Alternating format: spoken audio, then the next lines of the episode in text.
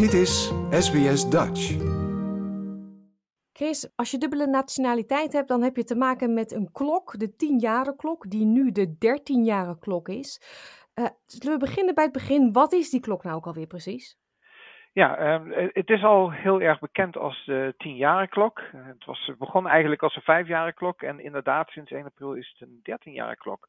Maar uh, laten we even kijken wat die klok nou betekent. Die klok is voor mensen die een andere nationaliteit erbij hebben, of meerdere, en buiten Europa wonen. En na die tien jaar zouden ze dan hun Nederlandse nationaliteit via een wetsartikel in de Nederlandse nationaliteitswetgeving automatisch verliezen. Dus je kan je Nederlandse nationaliteit automatisch verliezen als je een andere nationaliteit hebt en buiten Europa woont. En veel mensen in Australië, Nieuw-Zeeland, et cetera, die krijgen daar soms onverwachts mee te maken. En dat is eigenlijk uh, ja, de klok. Het is nu een 13-jarige klok sinds 1 april. Het is een, een leuk uh, datum die gekozen is door de overheid. Maar het is geen grap. Nee, leuke humor hebben ze daar inderdaad. Ja, ook, ook voor het kiezen van 13 jaar in plaats van misschien 15 jaar. maar ja. inderdaad. Ja, wat is er precies veranderd? Het is echt alleen maar de duur van die klok? Ja, het is een, het is een artikel in de wetgeving die werkt op zichzelf. En het heeft wel met je paspoort te maken en andere dingen, maar staat eigenlijk los van hoe lang een paspoort geldig is. En dat was ook een beetje het probleem, want het concept moet je dan uitleggen en daarom noemen we het ook een klok. Want in de wetgeving wordt het eh, heel droog genoemd artikel 15 lid 1c. Dus ja, dat zeg je niet veel. En dan een, een 10-jaren klok, automatisch verlies, dat maakt mensen dan nog wel eens wakker. Nou, 13-jaren klok. En het werkt op zichzelf. Het is dus een artikel in de wetgeving die zegt: als je dan die drie aspecten bij elkaar komen, je woont in het buitenland, buiten Europa, je bent volwassene en je hebt een andere nationaliteit. Dus het is ook uh, voor volwassenen, niet voor kinderen. Dus als dat het geval is, je hebt of je krijgt een nationaliteit, als die drie dingen bij elkaar komen, dan gaat die klok tikken. En aan het einde van die 10 jaar, nou 13 jaar, verlies je dan je Nederlandse nationaliteit. Maar je kan er wat aan doen. En dan heeft het weer te maken met je paspoort. Want een paspoort die je dan krijgt, de datum van afgifte, niet van aanvraag, niet hoe lang die geldig is, maar de datum van afgifte van het paspoort herstart de klok. En er zijn nog twee andere documenten. Dat is een uh, Nederlandse identiteitskaart en een Nederlandse verklaring van nationaliteit. De verklaring van Nederlanderschap wordt het ook wel eens genoemd. Ja. Dus dat zijn de drie dingen, documenten die die klok kunnen herstarten als je in het buitenland woont. Maar er is ook een andere manier om die klok te stoppen. En dat is weer een jaar in Europa of Nederland gaan wonen. Of je nou in Nederland gaat wonen of in Frankrijk, eh, zolang het maar een EU-land is, dus geen Zwitserland of uh, nou Engeland, dan stopt die klok pas na een jaar. Dus dat is ook belangrijk voor mensen bijvoorbeeld in Australië of Nieuw-Zeeland wonen. Die denken van nou, eh, er zijn er veel die willen graag naar uh, Frankrijk of Spanje verhuizen.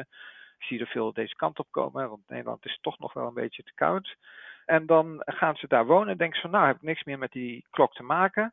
En nou, maakt niet uit dat ik mijn paspoort nou even niet op tijd vernieuw, want ik woon toch weer in Europa. Dat is niet zo. Het is pas na een jaar dat die klok dan stopt. Hmm.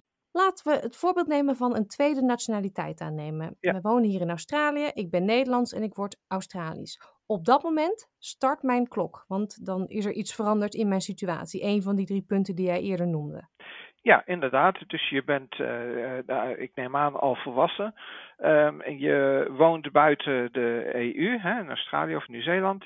En uh, op het moment dat je dan de Australische of Nieuw-Zeelandse nationaliteit zou aannemen, dan start die uh, nou 13-jarige klok. Ja, dat is correct. Ja, en het was natuurlijk eerst heel ingewikkeld, omdat die klok was de 10-jarige klok en je paspoort was ook 10 jaar geldig, of is ook 10 jaar geldig. En dat maakte het verwarrend.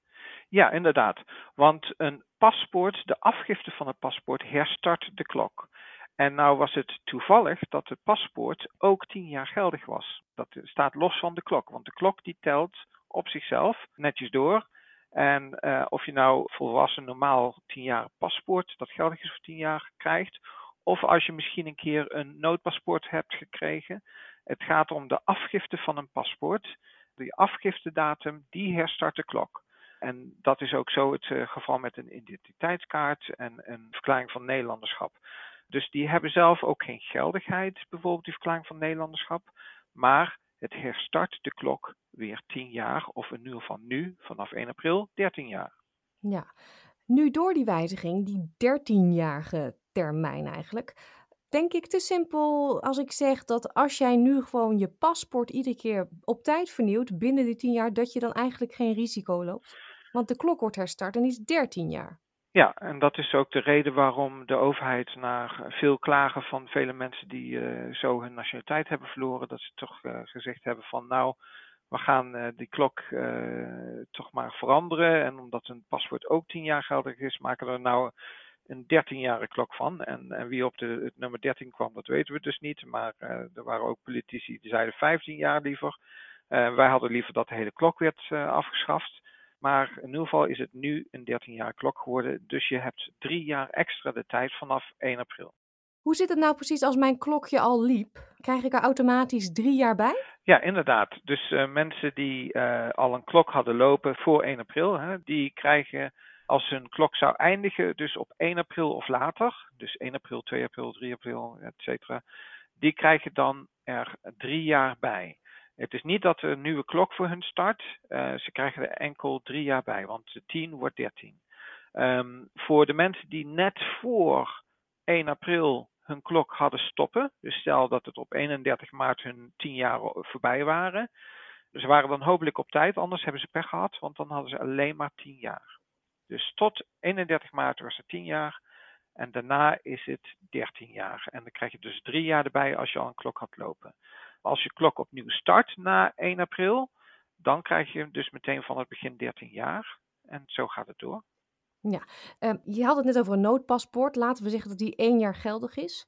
Ja. Stel, je vraagt die aan, dan gaat de klok in, 13 jaar. Eén jaar is die geldig en jij laat het nog acht jaar, laat je het gewoon gaan. Heb jij geen paspoort nodig, geen Nederlands paspoort nodig. En na acht jaar vraag je pas weer een nieuw paspoort aan. Dan maakt dat dan niet uit, want die 13 jaar is nog niet verstreken. Dat klopt. Dus in die periode, stel ervoor dat je eh, veel reist. Hè. Er zijn zaken mensen die veel reizen en een paspoort raakt vol. En ze vragen een tweede paspoort aan, wat aannemelijker is dan een noodpaspoort. Maar um, stel van dat ze een aantal paspoorten in die periode hadden. Elke keer dat het paspoort vernieuwd wordt, herstart de klok en dan begint weer opnieuw de 13 jaar. Laten we nou vanaf nu zeggen 13 jaar, want het is, uh, dat is nou zo het geval. Dus dan begint die klok op de datum van afgifte van het document. Daar gaat het om. En het maakt niet uit dan of het paspoort dan 10 jaar geldig is, of het 1 jaar geldig is, en of je geen paspoort hebt gehad in die periode. Uh, zolang je maar voor het einde van die 13 jaar, hè, dus tenminste één dag van tevoren, een paspoort krijgt met een datum van afgifte daarvoor. Daar gaat het om. Ja, niet aanvragen, maar de afgifte. Daar gaat het om. Ja, want dat is wel belangrijk.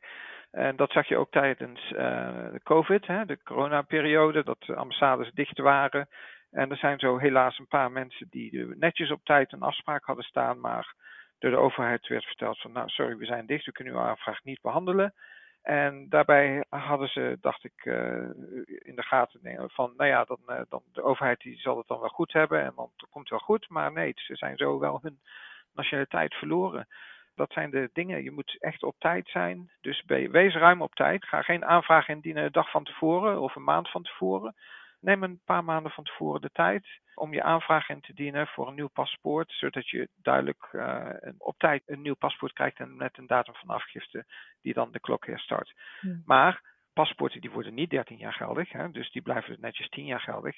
Maar de klok is 13 jaar, dus nu hebben mensen inderdaad wat meer ruimte want als je nu dan inderdaad een paar maanden of zelfs tot drie jaar te laat zou zijn, dan is het geen probleem. Want die klok die herstart dan uh, toch nog. Ja, dat dus, is een, uh, wel een veelgehoorde misvatting. Hè? Dat men zei met die tienjaren klok, je mag je paspoort niet laten verlopen. Maar dat is natuurlijk eigenlijk niet waar. Maar dat komt door die onhandige tien jaren van het paspoort en tien jaren klok. Inderdaad, ja. En deze wijziging is wel goed hoor. Ik bedoel, we, zouden allemaal graag beter willen zien, maar het is een goede wijziging die inderdaad veel leed zal voorkomen bij veel mensen vanaf, uh, vanaf nu. Ja, want hoe staat het eigenlijk er verder uh, voor? We weten dat er al jaren gelobbyd wordt bij politieke partijen. Hè, die Nederlandse nationaliteitswet, um, die is oud en volgens velen niet meer van deze tijd. Is het einde van die klok, komt die al een beetje in zicht? Um, ja, dat hopen we wel. Want ten eerste hebben we natuurlijk deze wijziging. Die werd met een uh, andere wetswijziging erbij ingenomen. En daarmee komt dus ook een beetje een erkenning van het feit ja, dat, dat het onredelijk is dat je op deze manier zomaar ongemerkt je nationaliteit kan verliezen. En, en uh, wat daarbij ook voortkwam is uh, dat bij de laatste regering coalitieovereenkomst, dat er toen werd gesteld, we zien dat er veel dingen misgaan door die tienjarige klok. En er stond bij, we willen die klok uit de wet gaan halen. En dan vervangen, eventueel, nou niet vervangen, maar dan ook het mogelijk maken voor mensen die na 2003 hun nationaliteit hebben verloren, om die dan terug te kunnen krijgen. Maar dat is een intentie van eh, de coalitieregering. En we moeten zien hoe dat in de, de wetgeving gaat uitwerken. Of ze dat inderdaad ook door gaan zetten. Of dat ze het alleen maar voor, uh, voor uh, PR hebben gedaan. Of dat de andere partijen nou dadelijk nee gaan zeggen. En ze, ze moeten die partijen aan boord hebben om de stem te kunnen halen. Dus we weten nog niet hoe dat gaat verlopen. Maar er is inderdaad wel een mogelijkheid dat in de toekomst we eindelijk van die klokken af zijn. En dat zou wel heel mooi zijn. Ja. Nou, ging eh, deze informatie van Chris nou allemaal een beetje te snel? Dat kan ik me voorstellen. Hij heeft veel gestelde vragen allemaal beantwoord op zijn eigen website en een linkje daarheen staat op onze website www.sbs.com.au/dutch. Dankjewel, Chris van Habsburg. Graag gedaan. Like, deel, geef je reactie. Volg SBS Dutch op Facebook.